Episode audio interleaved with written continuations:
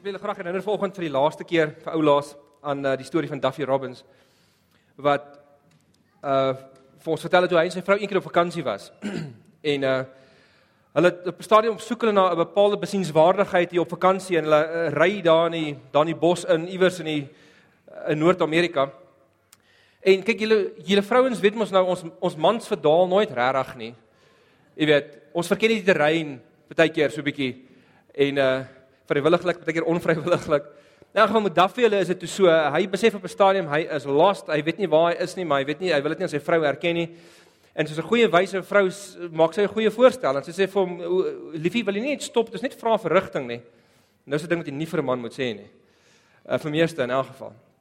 En uh en hy kners net op sy tande en hy sit sy voet verder in die hoek en en uh jy weet en sy's maar stil vir rukkie en later kan sy dit nie hou nie en sy sê vir hom tweede keer lief wie regtig, jy weet, wil jy net stop, jy weet, stop en vra vir rigting nie en uh hy kners net weer op sy tande en hy hy gaan maar aan en op 'n stadium te besluit hy okay, toe gee hy oor. Toe swaai die kar van die pad af en hy kom met 'n stofwolk tot stilstand en hy hy sê vir ag maar okay, ek erken ons is verdwaal. Maar jy moet erken ons maak goeie tyd. En uh baie van ons leef so. Baie van ons uh, is vrek besig ons ja geweldig vinnig. Ons maak goeie tyd. Die vraag is egter, uh, bly ons op die pad waar ons veronderstel is om te wees? Is ons lewens intentioneel van nou tot die einde van die jaar? Met ander woorde word die besluite, die daaglikse belewennisse wat ons toelaat om ons te shape, uh, is alles wat ons doen, doen ons dit intentioneel op 'n manier wat maak dat ons ons volle potensiaal in die Here ontwikkel, ons al ons liefde moontlik vir hom ontwikkel, al die joy moontlik ontwikkel. Hierdie is die beginsel van die pad. Spreuke praat baie daaroor. Die beginsel van die pad. Baie van ons wil graag suidkoet suidkus toe ry om te gaan vakansie hou. Maar as jy op die pad is Kaap toe gaan jy nie op die suidkus uitkom nie. Op die suidkus uit te kom moet jy actually op daai pad wees. Jy kan nie net goeie intensies hê nie. Jy moet jy moet jou besluite intentioneel so maak dat jy dat jy al die afdraaie mis wat jou gaan die trek wat jou aandag gaan aftrek sodat jy op hierdie pad bly sodat jy intentioneel kan wees. So jy, jy moet ry volgens die GPS of volgens die aanwysings langs die pad of volgens 'n kaart. As jy byvoorbeeld besluit ek gaan op 'n dieet en ek gaan volgende week nie chocolates eet nie. En jy maak die aand 2 dae in jou commitment en maak jy die yskas oop. En kan jy glo, die Here is goed. Daar lê 'n KitKat. En jy weet net gesê jy gaan nie chocolates eet nie. Maar die KitKat lyk so alleen. En en jy's 'n Christen, jy weet jy volg die Here en jy het al gehoor van liefde en so aan. En jy besluit jy gaan die KitKat red. En jy eet hom maar. Dit is 'n impulsgedrewe lewe. As jou lewe so lyk vol sulke besluite, beteken dit jy leef 'n impulsgedrewe lewe en nie 'n intentionele een nie. Want 'n intentionele een sal vir jou sê, "Ek weet ek het 'n vrek lus vir hierdie sjokolade, maar die impuls van die oomblik en die begeerte van die oomblik gaan ek op sy skei want ek het intensie. Ek is iewers heen ek is iewers in op pad. Die lewe is relatief kort. Um, almal van julle teruggekom gesê, "Jog, hierdie jaar is vinnig verby." Dit is so, is dit nie? Ons tyd is beperk. Ons het nie eintlik tyd om afdraai te vat nie. Ons moet seker maak dat ons lewens intentioneel is. En ek gun vir elkeen van ons hierdie jaar wat voorlê vir die leierskapspan, vir my en my kollegas, vir die personeel, vir julle as gemeente, vir almal van ons 'n intentionele lewe, 'n lewe waar ons uh waar die Here sy volle werk aan ons kon in, in ons kan volvoer tot die einde toe. Ons moet dis alles wat ons vermoë doen om afdraai te mis. Nou, 'n fliek wat my baie keer nogal help om as jy om deur 'n geestelike bril te interpreteer te help om om om, om helder te dink oor intensie en mense op die pad te hou, dan is dit nogal die fliek Braveheart en ek daar daar's natuurlik baie baie flieks wat dit doen, maar uh, in Braveheart se geval, julle ken almal die storie. Ek gaan nie die storie vir julle oorvertel nie, maar daar's een karakter spesifiek in die fliek wat een hy's een van die nobility van Skotland en hy's eintlik die een wat veronderstel is om die om die hele land te te ehm um, een te maak teen die aanval van van, uh, van Engeland. En maar hy word gedurig gesidetrack deur swak keuses te maak deur 'n korrupte pa. En op 'n stadium gebeur dit, dink ek by Falkirk waar hulle groot 'n veldslag het en uh, hy sou aan William Wallace se kant gewees het en in daai battle verraai hy Wallace en draai na die vyand toe en uiteindelik verloor hulle. En hier die klip wat ek vir julle gaan wys nou, ehm um, is die ene waar hy, dis nou Robert the Bruce, hierdie hierdie nobleman inkom by sy korrupte pa na hierdie battle van Falkirk en waar hy besef hy het 'n verkeerde keuse gemaak. Kom ons kyk net gou-gou na daai na daai klip. We must have alliance with England to prevail here. You achieved that. You saved your family, increased your land. In time, you will have all the power in Scotland. Lands, titles, men, power, nothing. Nothing. I have nothing. Men fight for me. Because if they do not, I throw them off my land and I starve their wives and their children. Those men who bled the ground red at Falkirk, they fought for William Wallace and he fights for something that I've never had. And I took it from him when I betrayed him, and I saw it in his face on the battlefield. And it's tearing me apart. Well, all men betray. All lose heart. I don't want to lose heart!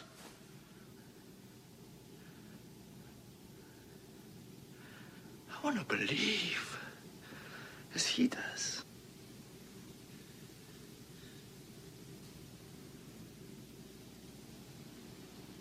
I will never be on the wrong side again.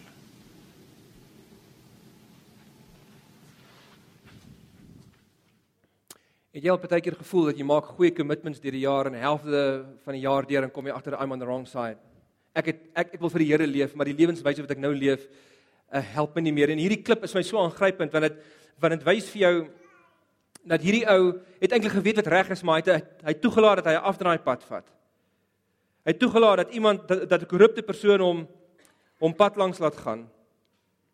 En hy het gekies vir veiligheid, vir gemak, vir vir vir, vir materiële dinge, maar jy kry eintlik amper in die die in daai keuse wat hy gemaak het, het hy hy het al hierdie goed gekry, maar hy het 'n geweldige prys betaal. Hy het sy hartprys gegee. Hy het sy sielprys gegee. En dis wat hy besef, die emosie wat jy beleef as jy in hierdie ding kyk, sê vir jou hy sê eintlik iets van ek het 'n trade-off gemaak. Ek het die verkeerde trade-off gemaak. Jy sê elke keuse wat ek en jy maak is 'n trade-off. En elke trade-off wat ons maak, help ons om meer intentioneel te lewe of of om verder van die pad af wat ons gekies het af te wyk. So elke keuse wat ek en jy maak is 'n trade-off. Elke keuse raak ek en jy meer besig om nader aan die Here te beweeg of verder van hom. Jesus het daaroor gepraat. Hy het gesê, "Wat sal dit 'n mens help as hy die hele wêreld as wins verkry, maar sy lewe verloor?" Of wat sal 'n mens gee in ruil vir sy lewe? Die woordjie lewe daar is psuche.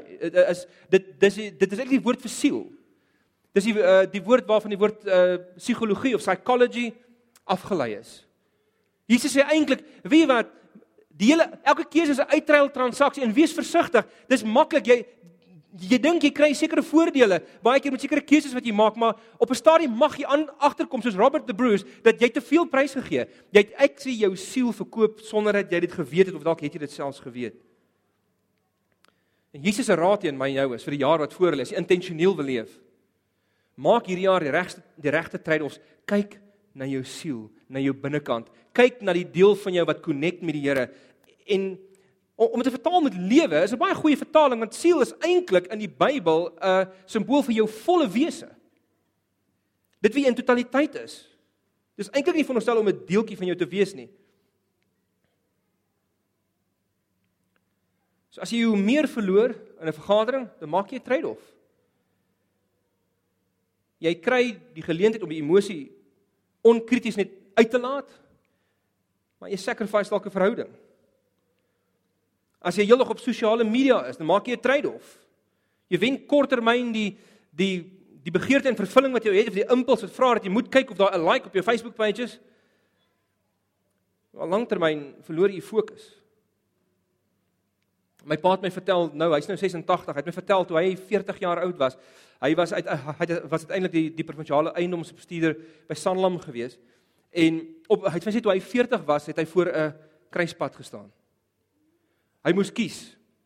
Hy het nog nooit dit vir ons vertel nie. Nou die dag het hy vir die heel eerste keer ooit vertel. Hy moes kies, gaan hy regtig die corporate ladder nou klim want hier's nou vir hom 'n geleentheid. Hy vaar goed, hy's op 'n goeie plek, maar gaan hy eksponensieel nou die corporate ladder klim en sy inkomste laat verhoog of gaan hy kies vir familie want as hy hierdie kant toe gaan weet hy die familie gaan skade ly en ek onthou dit trane in sy oë vir my gesê hy het gekies vir familie en hy het oukei gedoen die res van sy lewe hy kon altyd vir ons sorg maar dit was 'n trade-off vandag het ons kinders baie goeie verhoudings met mekaar my ma's oorlede in 2010 Uh my boetie uit Kanada het nou vir ons kom kuier. Ek het twee boeties in Kanada. En uh verskil dag en nag van mekaar, maar ons is lief vir mekaar en ons ons ons goeie verhoudings met mekaar. Maar daar was iemand wat op 40 jarige ouderdom die regte trade-off gemaak het. 'n Pa wat gesê het ek kies vir familie. Ek kan nie albei doen nie. Ons moet realisties wees. Paulus het het hierdie trade-off idee van Jesus baie ernstig geneem. In Filippense 3 dan sê hy vir ons As iemand meen dat hy op uiterlike dinge kan vertrou, ek nog meer. Ek is op die 8ste dag besny. Dis al allerlei etiese voordele en materiële voordele, statusvoordele. 'n Israeliet uit die stam van Benjamin, 'n egte Hebreër. In wetsopvatting was ek 'n Fariseer, in my ywer 'n vervolger van die kerk. In onderhouding van die wet van Moses uh, om vryspraak te verkry, onberusblik. Maar wat eers vir my 'n bate was, beskou ek nou as waardeloos ter wille van Christus. Ja, nog meer. Ek beskou alles as waardeloos, want om Christus Jesus, my Here te ken, oortref alles in waarde.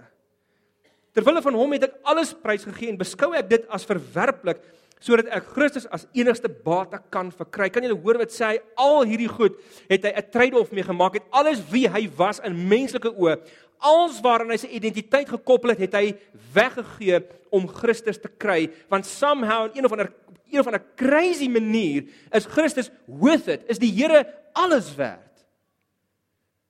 Dis intentioneel. Hy moes die choice maak. So hoe? Hoe doen 'n mens dit? Hoe maak 'n mens seker jy kom tot die einde van die jaar nog steeds by die plek waar jy intent kan terugkyk en sê my lewe was intentioneel. My keuses daagliks was intentioneel. Ek het 'n paar foutjies gemaak, maar ek het dadelik teruggekom op trek. Nou ek wil jou vandag uitnooi en of jy nou al jare lank 'n lidmaat is en of jy 'n uh, 'n besoeker is vandag. Ek ek is onbeskaamd. Uh, uh, mense ken my so. My vrou sê eendag vir my, "Rolf, jy geen skaamte nie? Wat vra jy hierdie mense?" Ek het nie vreeslik skaamte as ek mense vra vir iets wat ek wil weet die Here wil hê nie. Dan is ek skaamteloos. Vir myself sal ek nie so maklik iets vra nie. Maar ek wil julle vandag onbeskaamd challenge. Om Oosterreg jou primêre vernoot te maak in jou eie geestelike groei. Want ons kan mekaar help. Ek het nog altyd geglo, dit gaan nie oor kerk nie. Geestelikheid gaan nie oor kerk nie, dit is so. Kry die kerk, kerk jou in die hemel? Nee, wel hy, hy kan, hy kan 'n rol speel. Maar die kerk is 'n instrument wat die Here daar gestel het om jou heilig te kry. In 'n mate het die Here die kerk, die community vir mekaar gegee om ons te red. Nie in 'n eskatologiese of in 'n hemel-hel sin van die woord nie, dit ook.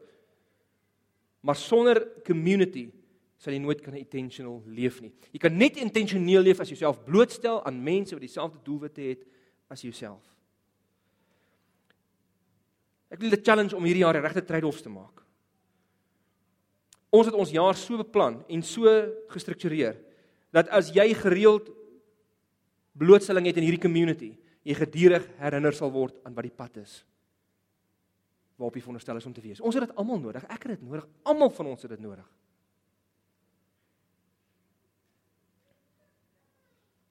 Wil jy challenge om hierdie jaar trade-offs te maak? In die oggende wat jy laat kon slaap, eerder dit op te gee en te kom om jou kinders te bring, om deel te neem aan geleenthede vir jou geestelike groei. Daarom het ons as leraars en die leierskapspan het in die raamwerk van ehm um, daai drie goed van ons net soos jy is word getransformeer en maak 'n verskil, het ons 10 gewoontes, het ons 'n bietjie na die Bybel gaan kyk, Ou en Nuwe Testament en op sommige probeer kyk Wat is 10 gewoontes? Dat dat as ons as leraars dit aanleer en julle as lidmate dit aanleer, as ons almal hierdie 10 gewoontes kan aanleer ons lewens, dat ons regtig 'n intentionele lewe sal kan leef. En wat ons betref gaan ons hier aan hierdie 10 gewoontes werk tot die wederkoms want hierdie is goeters wat die basiese boodskap van die Bybel vasvat en met elke persoon kan help om intentioneel te leef. In die volgende tyd gaan ons, dis 6 weke, maar ons gaan oor oor die 10 gewoontes praat. Ons gaan nie oor almal praat nie, maar ons gaan oor die mees 'n uh, belangrike van hulle praat. Later die jaar gaan ons 'n geestelike groei naweek hê waar ons al hierdie goed lekker gaan hanteer. Dit gaan 'n lekker belewenis hê wees um, later meer oor dit, maar hier is die heel eerste gewoonte. Hier is die heel eerste gewoonte. Jy het hierdie al baie gehoor, maar hier is die eerste ene waarby ons moet kom en dit is leef elke oomblik on mission. Wees leef elke oomblik on mission. Wat bedoel ek daarmee? On om on mission te, te leef beteken eintlik jy besef wie God is. Want uh, jy kan nie ons missie verstaan Met ander woorde, jy moet verstaan dat ek en jy hier is vir 'n doel. Dat ons hier doen hier is vir 'n rede. Dat ons dat ons lewens tel, dat dit belangrik is, dat dit actually 'n impak het op die samelewing. Al dink jy selfs as die goedjies wat jy onderling doen of daai sjokoladeetjie wat jy eet in die yskas, jy weet, sien niemand raak nie, jy weet of dit raak niemand. Jou keuses tel. Dit dit is regtig belangrik. En daarom is dit belangrik om te verstaan leef on mission. Wat bedoel ons daarby in 'n Bybelse konteks? Ons bedoel, wat is die tipe God is die een wat ons regtig dien? Nou Lukas 15, ek het die teks op nie, maar julle ken dit almal. Vertel vir ons primêr wat se tipe God ons aanbid. Ons kry daai drie gelykenisse van die verlore skaap, die verlore penning, uh die verlore muntstuk uh, liewer en die verlore seun. En ons weet in al drie hierdie stories is daar gemeene deelers. In die een storie is daar 'n skaap wat verlore raak en en die skaapwagter los almal en hy gaan soek. In die tweede storie is daar die muntstuk wat verlore raak en sy sit alles op hul in die huis hierdie vrou, die huisvrou en sy soek tot sy daai muntstuk kry.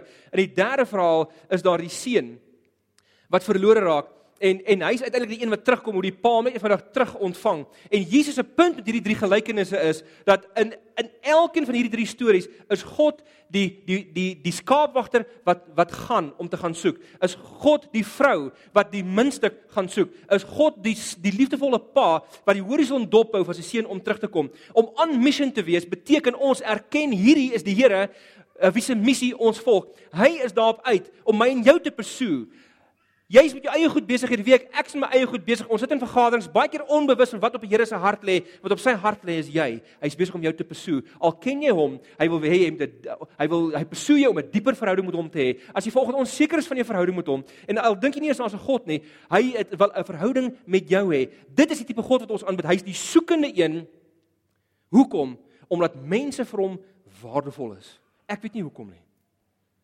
Wat jy ons sak baie keer. Maar ons is waardevol vir hom.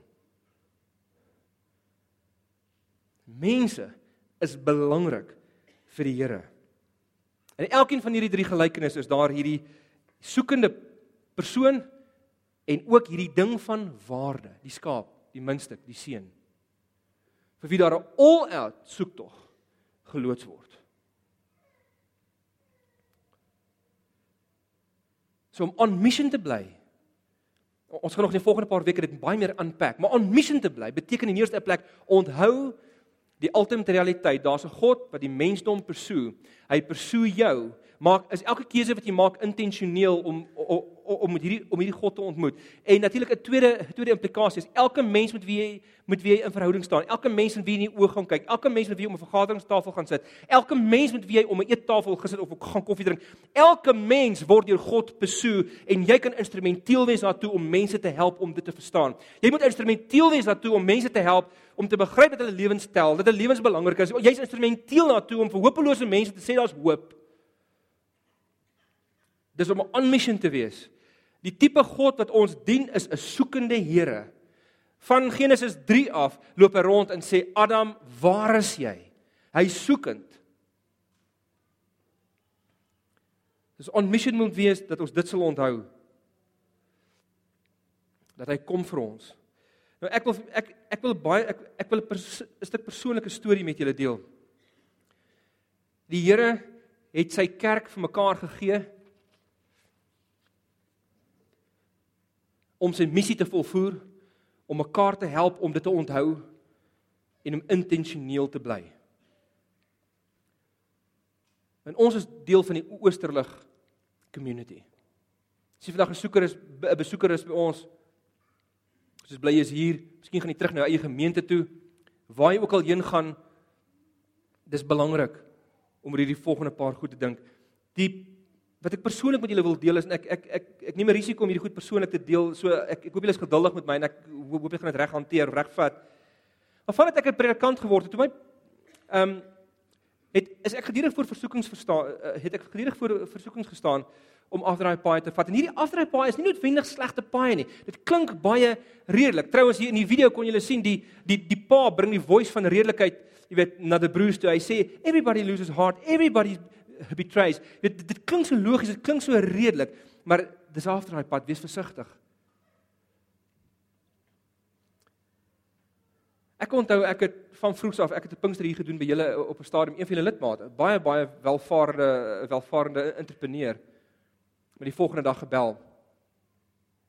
My gepraat oor, jy weet, eh, jy's wil nie in die besigheidswêreld inkom nie, Rolf. Jy en hy sê dit van die volgende woorde. Hy sê vir as jy in besigheid was, jy het baie geld gemaak, hoor. Ek weet nie dit waar is of nie, maar jy weet, daai goed stiek in ou se kop. Jy weet mos hoe werk dit. En een, een van die redes uh is ek steeds betrokke by gemeentes en by kerke. En hier staan ek nou deel van Oosterlig te wees. Um Eh, toe ek dialooggemeente geplant het in Pretoria, toe kom ek agter oogits om om om dit te kan doen, gaan ek moet besigheid doen op die kantlyn. So ek doen nog steeds so 'n dag of week besigheid en uh, veral vroeg in hierdie besigheid eh, was versoek en groot mense het my gevra, "Wil jy nie meer daarin sit? Meer ons kan jou meer betaal." En my my reaksie was altyd, "Jessie, ek jy weet ek love hierdie besigheid, dit is my wonderlik, maar ek ehm um, daar's 'n bediening waar my hart lê. Ek is besig met gemeentes."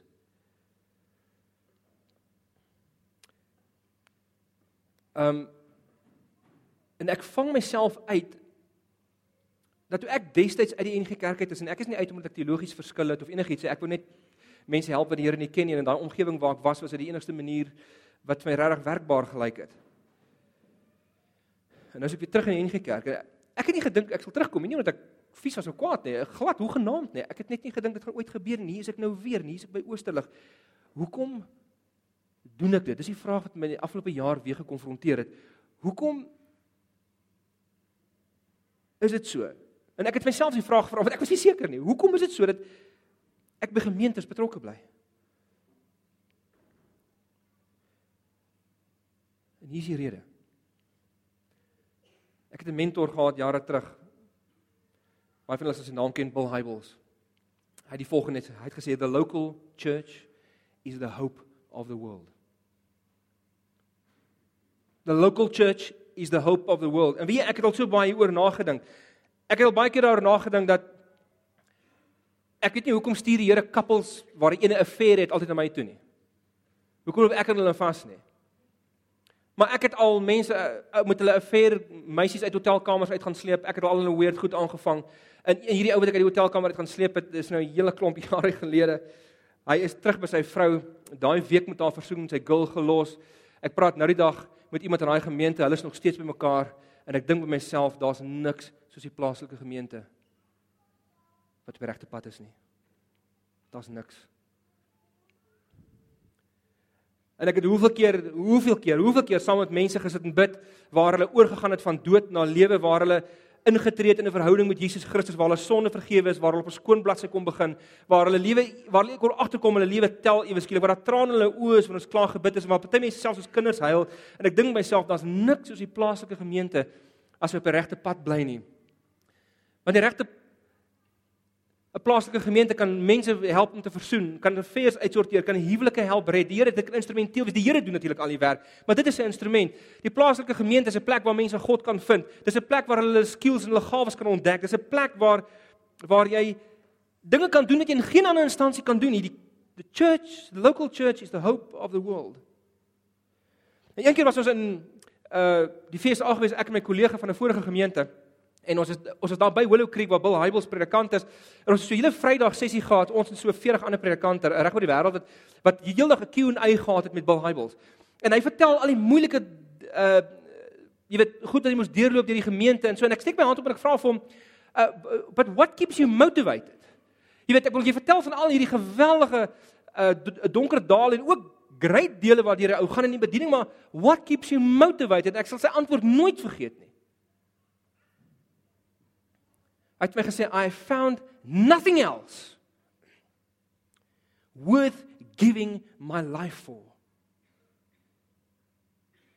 I found nothing else worth giving my life for and hy was sterk emosioneel toe hy dit gesê het. Hy het gesê Hy die lewenstransformasie wat hy hier gesien plaasvind het, kan hy nie ruil vir enigiets anders in die wêreld nie.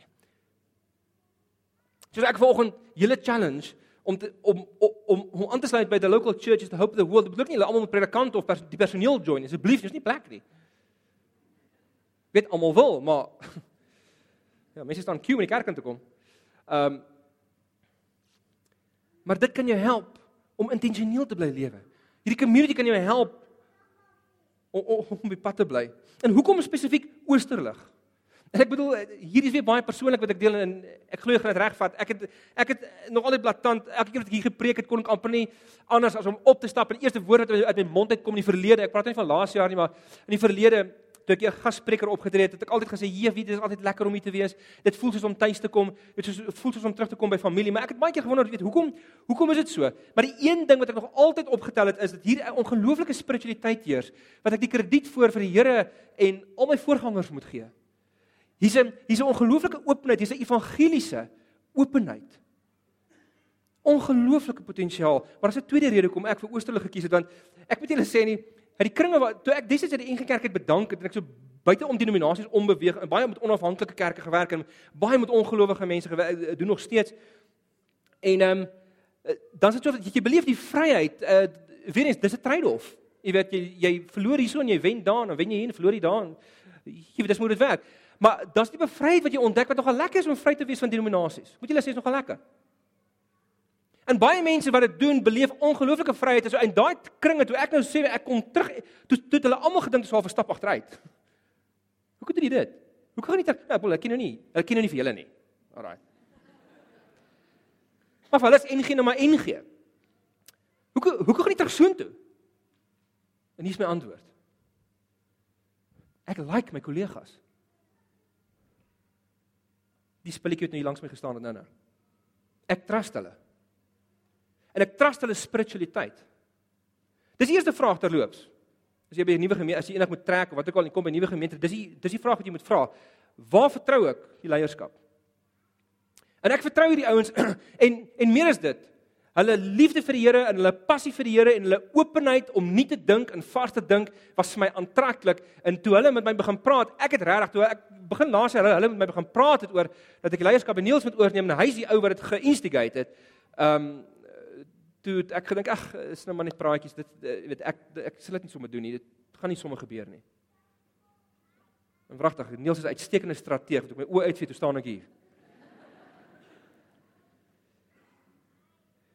maar ek wil sê dis die eerste vraag. Ek trust hulle. En ek weet nie wat hulle doen nie. Ek bedoel baie keer irriteer ons die wit waks uit mekaar uit. Maar ek weet een ding van hulle. As ons by hierdie kamer uitstap of wat 'n kamer ook al dan weet ek hulle gaan my back en hulle weet ek gaan hulle back. Die derde rede is ek vertrou die leierskap van hierdie gemeente. 'n Geweldige lekker mengsel van mense, oud en jonk. Daar's ou wysheid en daar's jong wysheid. Mense wat lief is vir die Here, mense wat oopkop dink, mense wat uh weet watter heilige koeie om te slag en watter om te behou. Mense wat weet wat ons roeping in hierdie lewe is in hierdie wêreld is en mense wat weet en verstaan waar 'n gemeente behoort op pad te wees. In Fiedens ek trust regtig Ferentia en die personeel. Ek glo regtig in die potensiaal van die van die personeel. Nou, hierdie is regtig die rede hoekom ek gejoin het.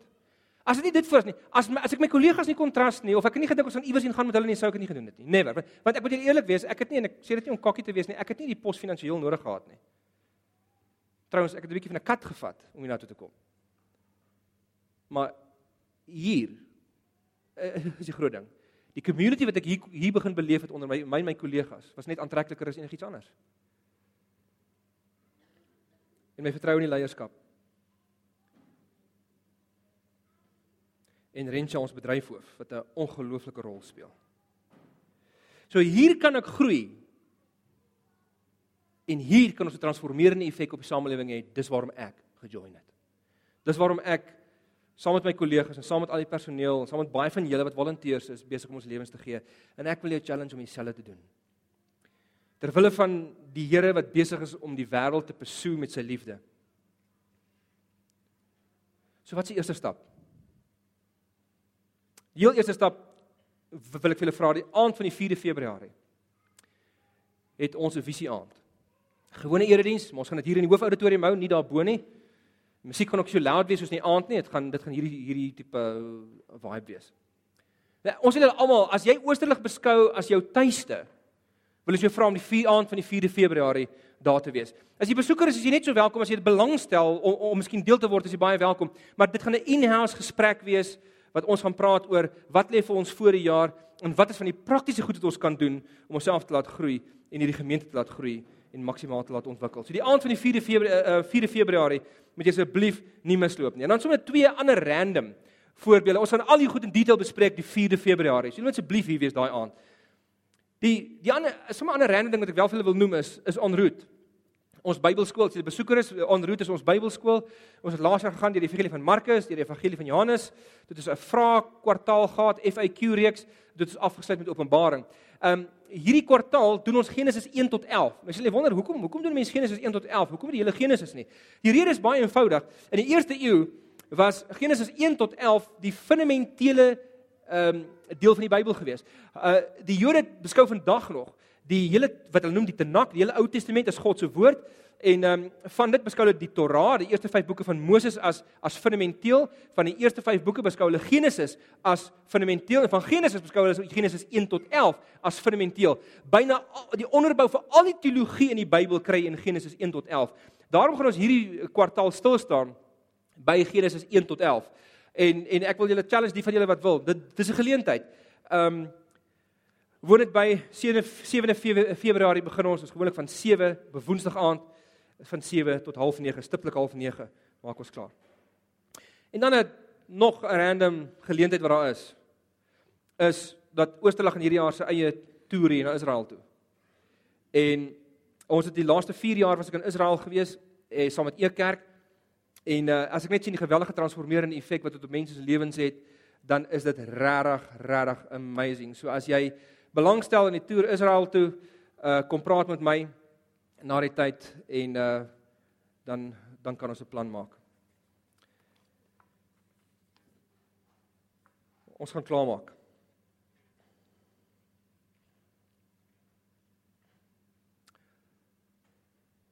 Paulus het sy beurt gehad. Jakobus en hierdie ouens het hulle beurt gehad om 'n impak te maak, om 'n verskil te maak. Die vroeë kerk Augustinus, Athanasius, alle ouens het hulle kans gehad. Thomas Aquinas in die middeleeue, al die ouens het hulle kans gehad. Andrew Murray in ons eie land het sy kans gehad. Nou is dit my en jou geleentheid. Ons haal asem. Ons leef op hierdie planeet. Die Here het ons hier geplaas. Ek wil hulle uitdaag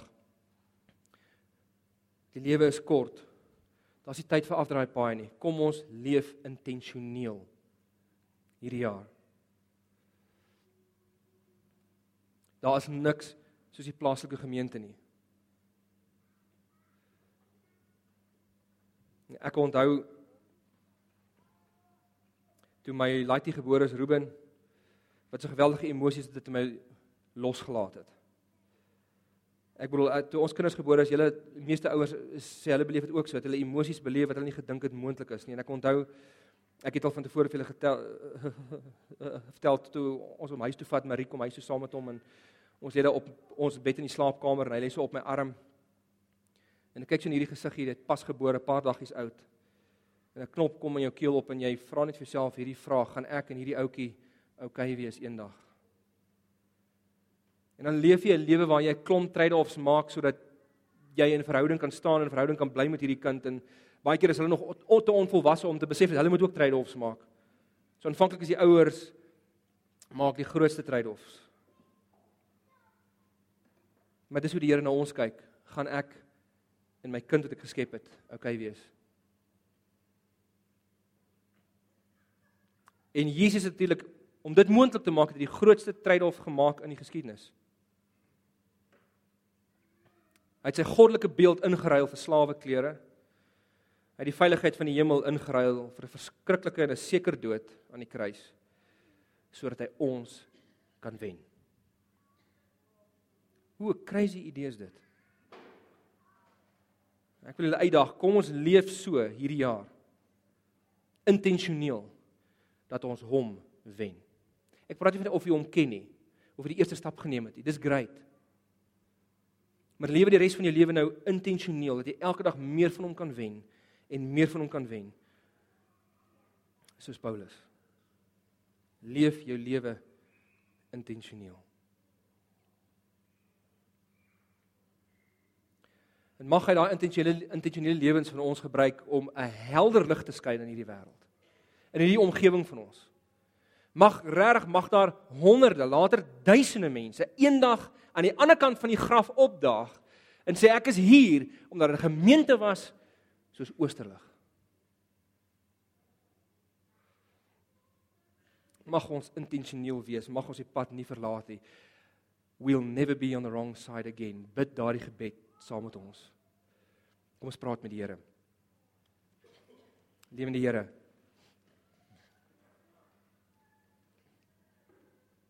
Here, ons wil vir U sê dankie. Dankie vir U liefde. Ons is lief vir U. Ons reageer baie graag op die liefde wat U vir ons het, Here. En Here, dankie dat U vir ons lewens gee wat tel. En dankie dat U ons bring voor nuwe kruispaaie. Dankie dat ons bring by plekke waar ons ons lewens kan evalueer waar ons in die spieël kan kyk en waar ons regtig mekaar kan vra, bereik ons die meeste bereik ons die beste? Is ek die beste Rudolf? Is ek die beste Piet of Gerda of Susan of wat ook al wat ek kan wees? En ek weet wanneer ek Here volg, kan ek, wanneer ek intentioneel in sy voetspore volg elke liewe dag van my lewe, dan kan dit so wees. So Here, ek wil vanmôre vir u vra. Ons wil intentioneel commit ons onsself tot u. Ek wil vra dat ons bly sit in stilte oë toe. Hierdie boodskap is nie baie werd as ons nie dalk kan reageer nie, as ons nie met die Here kan praat nie. So praat met die Here in jou eie woorde. Wat is jou kommitment? Wat is op jou hart? Sê dit vir hom. Hy is hier om te luister. Lewende Here het elke gebed gehoor. U sien elke hart raak. Ontmoet ons elkeen asseblief waar ons is, selfs al het ons nie eens die guts gehad om vanoggend te bid nie omdat ons dalk net ver van U af is of ver van U af voel. Ontmoet ons waar ons is. Dankie dat ons dit kan vra. Stap vir ons uit. Here Jesus, ons bid dit alles in U naam en almal antwoord saam. Amen.